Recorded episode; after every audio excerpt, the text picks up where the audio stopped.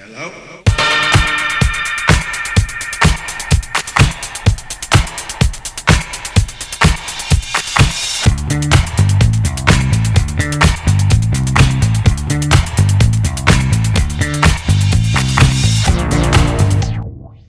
Välkomna! Då var vi här igen. Poddags, Jesper och jag. Men eh, nu är det inte The Weak Spot längre.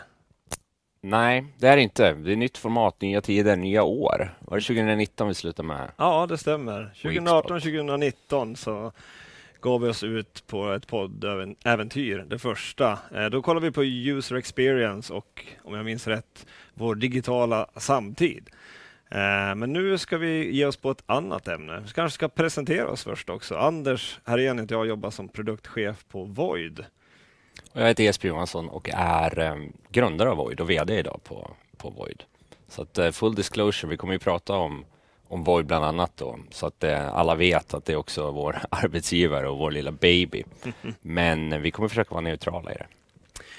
Men podden eh, kommer att vara bredare än så. Vi kommer, precis som namnet kanske avslöja, eh, Kreatörpodden, att fokusera på kreatörer och kreatörsekonomin. Och hur landar vi den slutsatsen?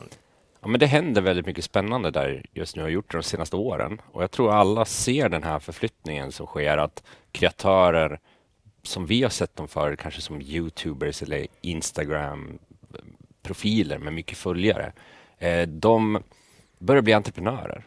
Det är egentligen det stora som händer. Man, idag finns det Youtubers som har hundratals eh, anställda. Och det är liksom medelstora bolag, kanske med stora bolag, omsätter hundratals miljoner. Så att det, är, det börjar bli industri utav det. Och det är mycket utmaningar i det där. Och det finns, eh, när man går från någonting som en hobby till att plötsligt behöva försörja sig på det, då är det väldigt mycket olika verktyg man behöver hitta i det.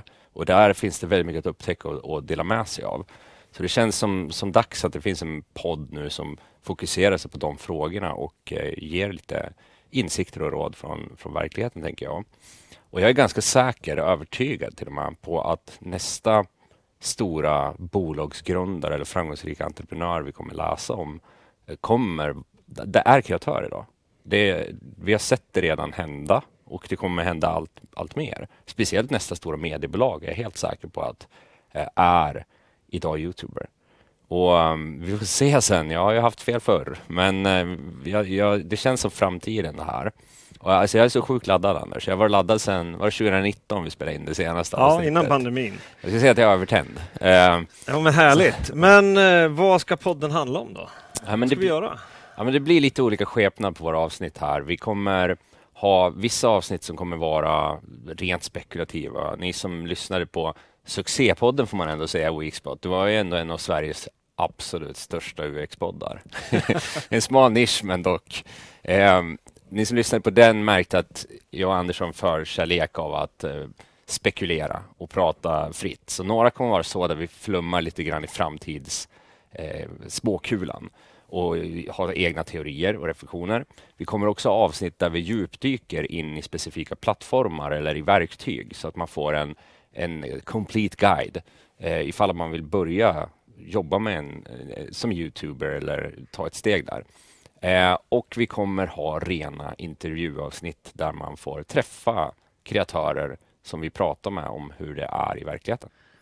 Ja, apropå intervju så i pilotavsnittet idag så har vi faktiskt en gäst, eh, Simon, som egentligen blev kreatör eller åtminstone youtuber av en slump. Eh, Han har eh, tillsammans med sina två kompisar eh, en av Sveriges absolut största kanaler för fiske som heter Baitbox.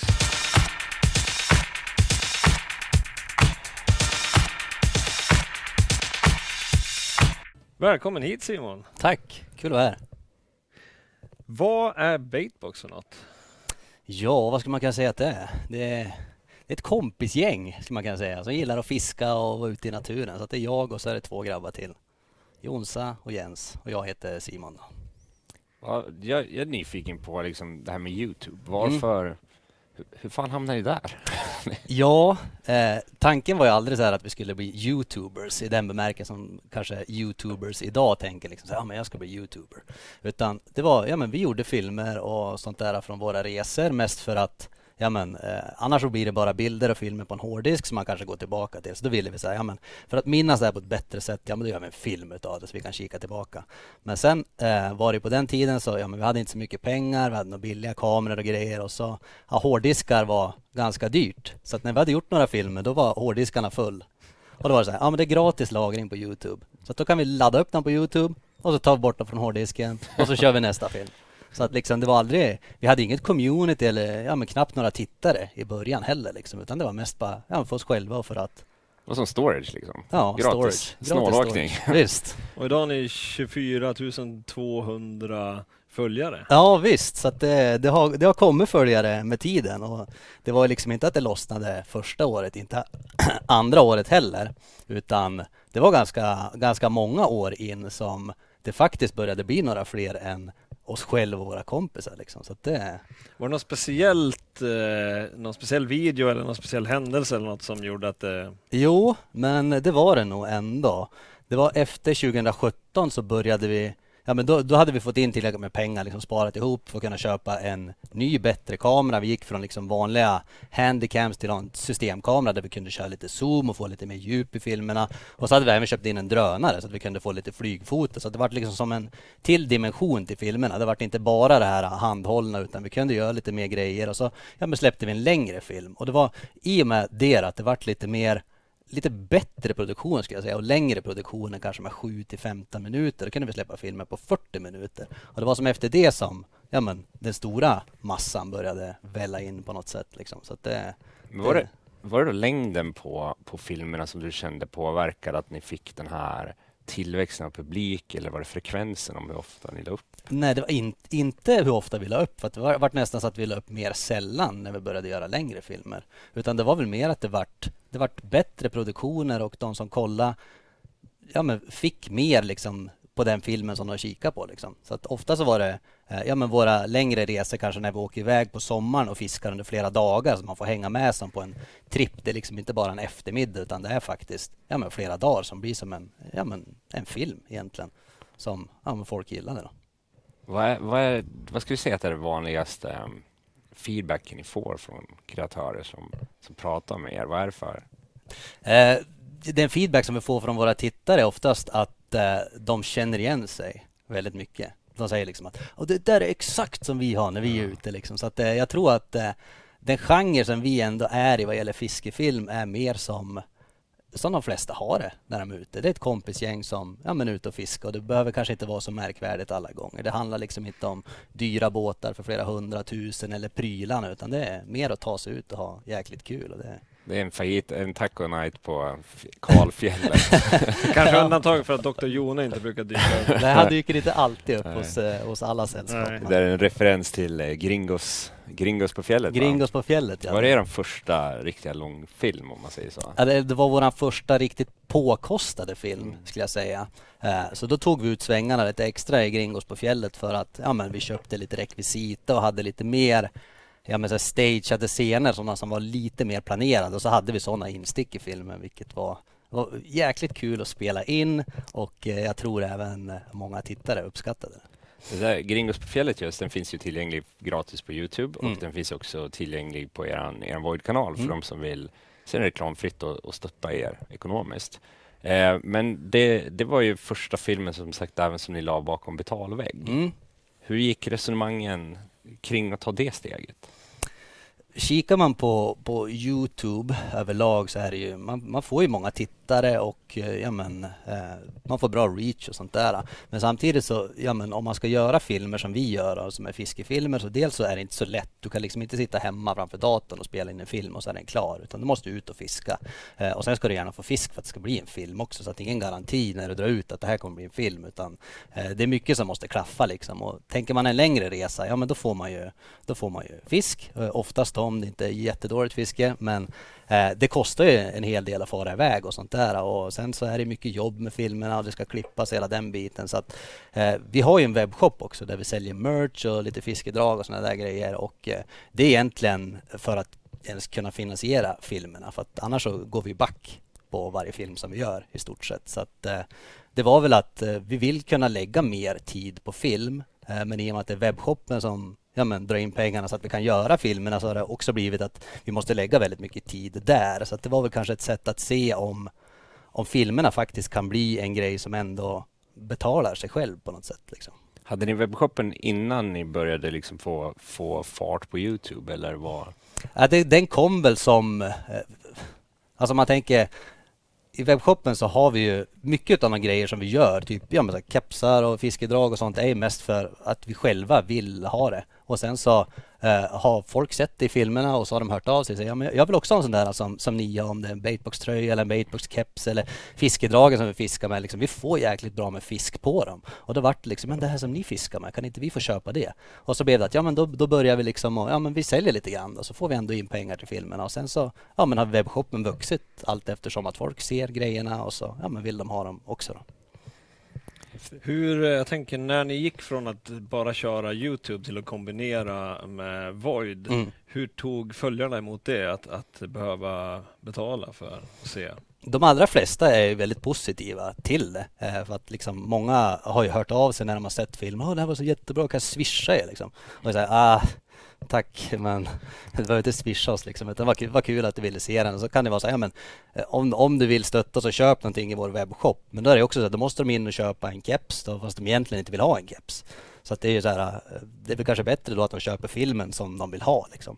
Sen är det ju såklart, det var ju vissa som hörde av sig och så här, ja men jag, jag har varit med från början och alltid liksom kollat på era filmer men eh, nu när ni börjar ta betalt då, då ja, blir de arg liksom. För att det, har ju alltid varit gratis och så här. Men samtidigt så man kan ju fråga vem som helst liksom, vill du, vill du jobba gratis? Ja, det... de, de, flesta vill ju kanske inte det utan de vill ha någon form av betalning för det. Liksom. Okej okay, när man är ute och fiskar och det är svinkul liksom, men jobbet kommer ju sen när man är hemma och ska klippa ihop det där liksom, och så att det ska bli en film. Så, att... så det där är ju tror jag ett problem som många, många kreatörer delar med er om att jobba hårdare, ge mig mer filmer, mm. Eh, men ta inte betalt. det är en ekvation som inte går ihop. Och, men jag tänker om man tittar på Youtube då som vi vi, vi brukar definiera den som en räckviddskanal mm. och kommer göra det här i den här podden också. Och eh, hur, kombinationen då, du måste ju liksom mata din räckviddskanal för att fortsätta växa din publik mm. samtidigt som, ja, för att du ska kunna mata den med innehåll så behöver du ju pengar då. Mm. Hur, hur värderar ni vilket innehåll som ni ska släppa gratis kontra vad ni kan tänka er lägga för de som betalar? Eh, mycket handlar det väl om kanske hur mycket vi själv måste lägga på produktionen, hur mycket tid det är och sånt där. Liksom. Vi känner väl att kanske allt som vi gör, eh, om vi gör så korta vloggar eller något sånt där, ja men det kan vi släppa gratis för att det, det kan, ja men Eh, dels att kanske vi inte tycker att man kan släppa sådana hela tiden och ta betalt för dem styckvis. Liksom. Eh, så att det är väl de längre produktionerna som vi har gjort när vi faktiskt åker iväg på en resa som eh, vi vet att ja, men här kommer vi aldrig få igen pengar liksom, på Youtube. Så att, ja, men då kanske ja, men vi lägger upp det på Void och så kan någon som vill gå in där och stötta oss. Liksom. Och vi har använt den här funktionen att man själv får sätta priset. Liksom. Vad tycker du att det är värt att se den här? Och så kan de dra det från ja, men typ 19 spänn upp till ja, vad de vill. Då. Så det är ju superbra. Har det funkat då? Har det, eh, liksom, har det gett någonting eh, ekonomiskt att, att eh, testa och köra Void tillsammans med Youtube? Jo, det är alltså vårt mindset när vi klev in i det här var ju så ja men det är kanske några hundra som köper, Eh, köper det här och så får vi in några, någon tusenlapp eller två liksom. Men jämför man det så är det liksom, ja men en film på Void har ju kunnat spela in mer liksom pengar än vad all, all reklam har genererat på Youtube sedan vi startade liksom. Så det är ju jättestor skillnad sett till det. Men det säger också kanske mer om hur dåligt betalt reklam är på, på Youtube man måste liksom ha miljoner följare och miljoner tittare. Jag läste, eh, se om det är rätt, 3-5 dollar per tusen visningar. Ja, det kan nog stämma. Mm. Jag, jag, gjorde, jag gjorde ett genomslag, en kalkyl på det där och kollade ett antal kanaler. Det skiljer ju sig beroende på det i för land såklart och vilken kategori ditt innehåll tillhör. Mm. tillhör. Och för, för er som inte, inte har koll på hur Youtubes intäktsmodeller fungerar så så är det ju det annonsfinansierade eller revenue share egentligen, en, en fördelning mellan annonsintäkterna som Youtube får mellan Youtube och kreatören.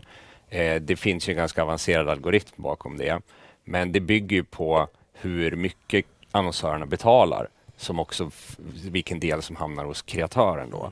Eh, men när, när jag tittade på den så såg jag att om du har ungefär 30 000 eh, visningar på en film ungefär så ligger det någonstans mellan 1000 kronor och 1500 kronor ungefär i ersättning på den filmen. Mm. Och då vet man ju då om ni är youtuber där ute att du ska ha bra många följare och vara ganska aktiv om du ska komma upp i ens 30 000 visningar på en film.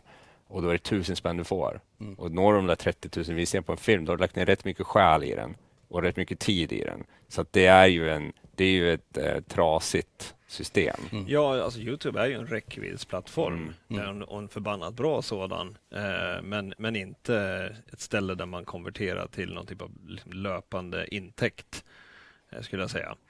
Eh, men ni kommer, eh, kommer eller har gått ett steg längre på Förut har ni ju tagit betalt per film. Mm. Då, så här. Men nu har eller ska ni lansera ja, vi, har, vi har smyglanserat eller softlaunchat ett community på Void faktiskt som är ja, men en medlemskapstjänst där. De som vill se lite extra, vi har tänkt att vi ska köra liksom behind the scenes och sånt som vi kanske inte lägger upp eh, på Youtube.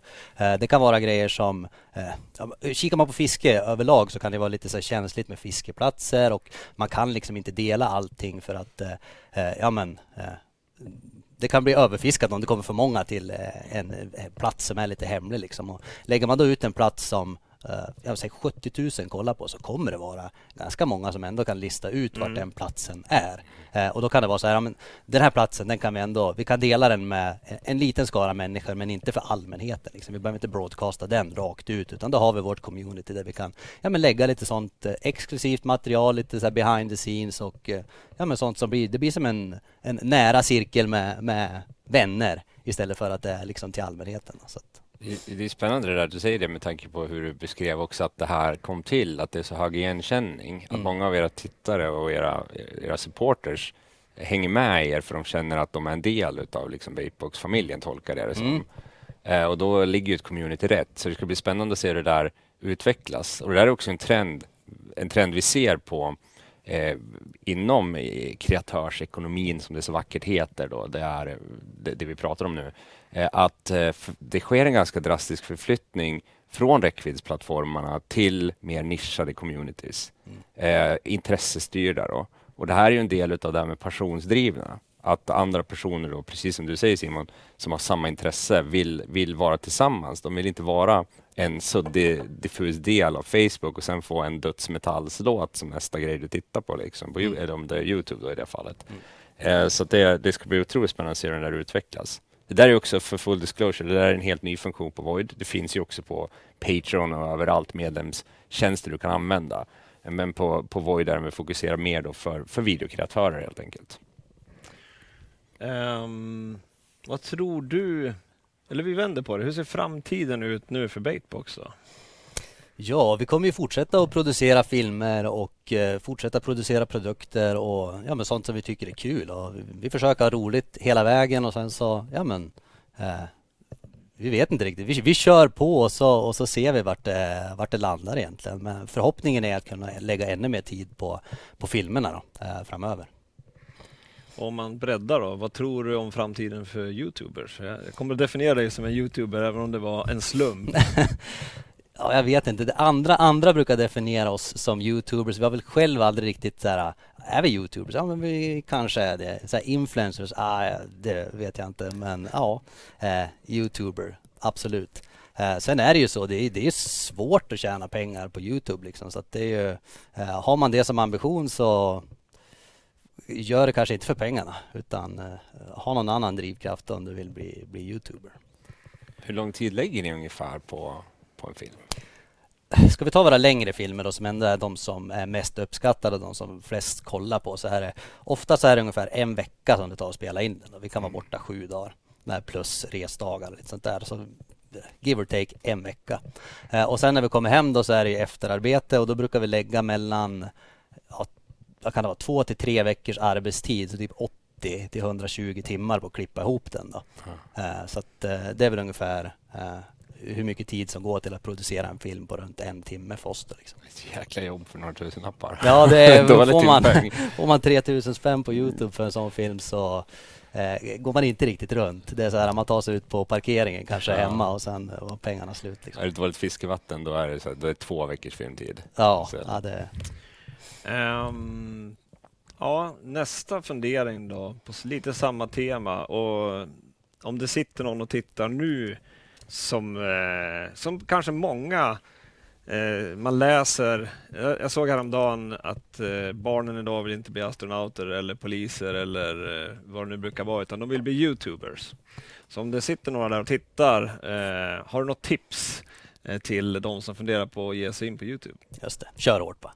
Nej men eh, bästa tipset är kanske att eh, gör det för din egen skull. Alltså har du ett intresse i film eller du har ett intresse i någon typ av hobby som du sen vill filma och lägga ut på Youtube så, så gör det för att du tycker att det är kul. Gör det inte för med målet att få många följare eller många tittare liksom och sånt där. För man har sett så många som, som jagar det Eh, vilket gör att det blir tråkigt för att eh, ja, men då blir ju filmen och eh, ja, men själva hobbyn inte det som det centreras runt. Utan då är det jakten liksom på, på engagement och, och ja, men, likes, mm. prenumeranter som blir viktiga. Liksom. behovet liksom. Ja. Mm. Nej, så att uh, gör det för en egen skull och ha kul hela vägen. Typ. Använd det som gratis storage. Ja, använd det som gratis storage. Sen rätt som det vaknar upp och så bara, vad fan, ja, precis. vad hände? Precis. Om man vidgar det då, eh, om det är någon youtuber som funderar på det här med att ta betalt, eh, vad har du för tips till dem? Prova det absolut. Alltså det är så här, varför inte egentligen? Det finns jättemånga där ute som vill, alltså vill se mer content och vill stötta mig på Youtube så de, de får inte möjligheten där utan det är så här, ja men de gillar filmen jättemycket och så Youtube säger men du får fyra öre för den här visningen och så skulle man fråga dem så här, men vad hade du kunnat, liksom, vad hade du velat stötta med för att se den här filmen? Det är väldigt få som säger så här, fyra öre, det, det räcker där liksom. Utan många säger, ja men 20 spänn då. Mm. Så låt dem göra det. Liksom, jämför man fyra öre mot 20 spänn så är det ganska stor skillnad. Man behöver inte ha så många eh, som är beredda att betala 20 eller mer. Liksom. Det, det... det blir en volym. Jag, jag pratade, jag hade förmånen att faktiskt prata med en av era kunder av en ren slump faktiskt. Jag pratade med ett helt annat ärende och som sen då sa att ja, men, ja, men jag har ju använt Void. Mm. Ja, då blir man ju nyfiken. Vad, vad köpte du då? Där? Ja, Baitbox. Ja, Okej, okay, vad, vad roligt. Törs jag fråga vad du, vad du betalade? För jag visste ju att ni använder den här Pay What You Can då, mm. där faktiskt den som köper bestämmer vad, vad, vad det är värt, mm. vad man vill betala.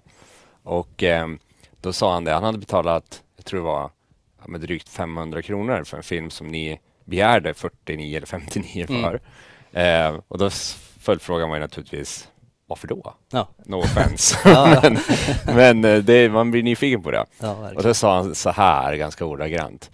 Alltså Jesper, jag vet hur många otroligt bra fisketimmar de här grabbarna tappar på grund av att de är filmer till oss. Klart mm. de ska ha betalt. Mm. Så jag tror att just det där att komma över tröskeln att faktiskt folk vill betala. Mm. Och visst, ni får, jag gissar att det inte det är inte fler i alla fall som är negativa än vad som är positiva till att ni tar betalt. Nej, det är, liksom, det är några som har hört av sig med negativa kommentarer men det är oftast de som sticker ut också. Liksom. Det, det är betydligt fler som har varit mm. väldigt positiva till det. Liksom. Och det är ju det är valfritt.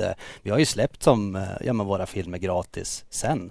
Du får dem inte gratis först men du kan se dem sen om du vill vänta. Liksom. Så det är, valet är helt fritt att eh, ja, men betala nu en liten slant för att se det. Eller... Det är väl som att välja att gå på bio och se en premiär eller vänta tills den kommer ut på TV? Ja, ungefär. Det är mm. ganska... Ja, det är, det är logiskt så. Mm. men jag förstår också den mentala bilden man kanske har som youtuber. Och jag tror också, det ska också det, säga då, att, för, eller förtydliga då, att Youtube har ju eh, sätt att att stötta kreatörer och vissa saker du kan använda om du är uppe i en viss storlek som youtuber. Men det finns en utmaning i att börja ta betalt på en plats där man har en vana av att allt är gratis. Mm. Som jag tror man ska ha en stor respekt för. Mm. Och Det är därför jag tror att de mest framgångsrika, oavsett om man använder Void eller Patreon eller någonting annat, det är när man har den där mixen av att du har en räckviddskanal som du sa Anders, där du bygger din publik och matar den och sen har en, en mer kapitaliseringskanal för dina trognaste följare mm. där du kan ge dem lite extra samtidigt som du faktiskt får in ekonomin så att du går runt.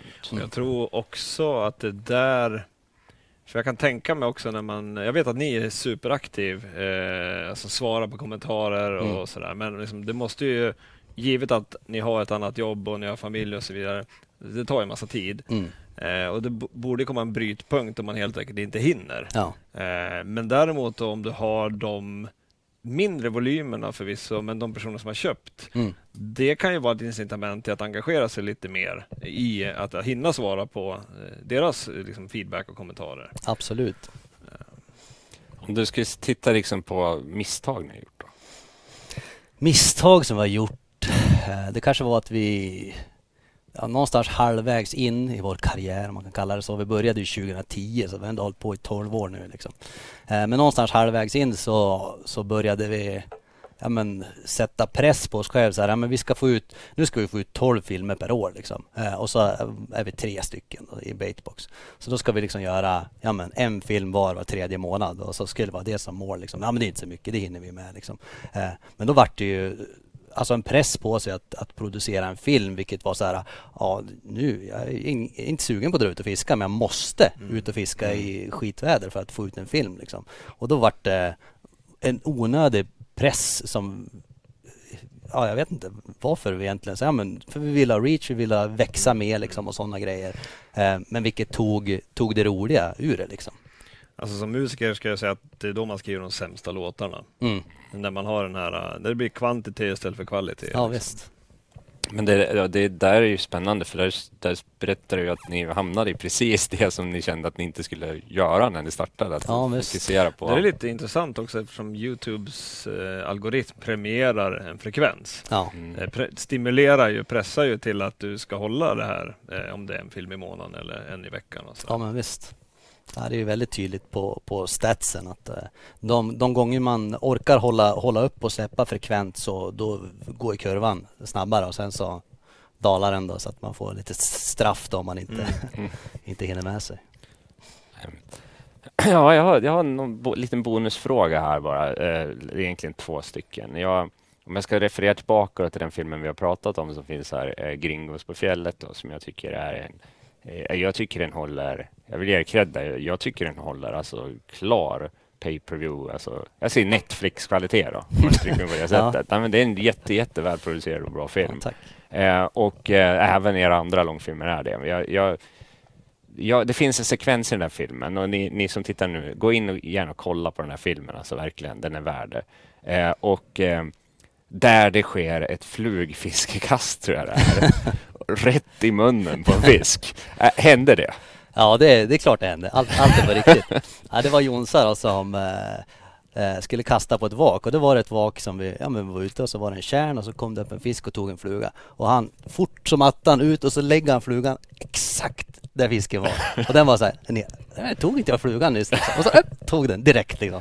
Så han har, jag tror aldrig han har kastat så långt i hela sitt liv och så mitt i. Ja, det är det sjukaste jag sett. Det var som en sån här att man, alltså fiskedamm för barnen när det kommer upp en godispåse direkt. Ja visst. Alltså det var bara att skicka iväg den och så tjopp, och så var det tillbaka en fisk bara. Så då, alltså, ska man se bara det där klippet då ska man tänka, fan nej men fiske det är ju inte svårt. Nej Det är- superlätt. Det var... Det är bara kasta. Ja, fan vad kul. Min andra bonusfråga som jag vill slänga in och som vi måste få med här, det är att ni har ju en, en, en grej som jag gissar uppkom lite grann som ett skämt, men jag vill gärna höra storyn på bakom det. Men ni är lite utav legender inom fiskekretsar, ska jag säga, på grund av att ni har en speciell bärs. Och då Mm. pratar jag inte om ert eget märke som ni också har, utan du vet vad jag pratar om? Baitbox-IPan. Exakt. Visst. Berätta lite om den. Eh, ja, Baitbox IPA det är ju då eh, fyra delar öl, en del apelsinjuice. Vilket eh, alla som hör det tycker väl vad sjutton kommer det smaka liksom. Men eh, det var väl en morgon när Ja, vi var lite svaga, det hade varit lite fest, fest eh, dagen innan så att eh, det var faktiskt Jonsa som kom på den. Och det var ju då att i morgonjuicen då så vart det fyra delar öl också. Vilken öl som helst. Ja, ljus lager brukar vi säga. Vi brukar säga så här, ju sämre öl, desto större förbättring. Så att eh, det är så man kan se det. Och det är, det är egentligen varför den kallas för Baitbox IPA är för att det hur man kan göra en ganska pissig lager till en riktigt fruktig IPA på ett ganska lätt sätt. Det sjuka är att det funkar ju. Ja, det funkar Alltså, ju. Det blir gott. Så att eh, jag, prova. jag har ju testat eh, på uppmaning och det vill jag lägga Ja. till där. Men, Går även med alkoholfria. ja, ja, absolut. absolut. Eh, Men ta en dålig alkoholfri öl om du vill få effekt. Men nej, men det är, eh, det blir faktiskt eh, orimligt likt en IPA Ja, att göra sådär. Så det, där, det måste ni kanske skydda. Det här Baitbox IPA. blir patent på. Ja, kul. Ja, men eh, jag har inget mer så, men däremot så får du jättegärna passa på att eh, promota. Vart hittar man allt om Baitbox? Ja, eh, vår hemsida webbshop finns på baitbox.fishing. Eh, vår Instagram är baitbox.se. Eh, Youtube så heter vi Baitbox eller Team Baitbox. Då. Mm. Så att, ja, och Void såklart. In där, där heter vi Baitbox. Härligt. Tusen tack Simon. Tusen tack. Ja du Jesper, det var en alldeles utmärkt pratstund. Ja, det är så härligt med, med personer som Simon som där det verkligen är, det känns genuint att det här är ett stort intresse och så det här fokuset han har lagt som är, jag tror är helt avgörande om att hålla din hobby, vilket han också bekräftade när han berättade om deras största misstag. Det var när de började fokusera på att försöka göra det här för räckviddens skull. Mm. Och det är som man säger att om du inte har kul kommer du aldrig liksom nå fram, utan när du börjar, man brukar säga fokusera aldrig på att tjäna pengar om du bygger ett företag. Därför pengar är en outcome om du gör andra saker rätt. Men fokuserar du på att du ska bli rik eller tjäna pengar så kommer du inte lyckas med resan. För då kommer du missa de faktorerna som faktiskt gör att du kommer bli rik en dag. Mm. Om det nu är det som är drivkraften. Jag tycker det var väldigt spännande att få lyssna på Simon. Håller med. Och eh, vi rundar av där för idag. Eh, den här podden finns eh, där poddar finns naturligtvis, Kreatörpodden. Eh, ni hittar oss också på Youtube. Eh, sen kan ni också hitta oss på Instagram och då är det hashtag kreatorpodden. Mm.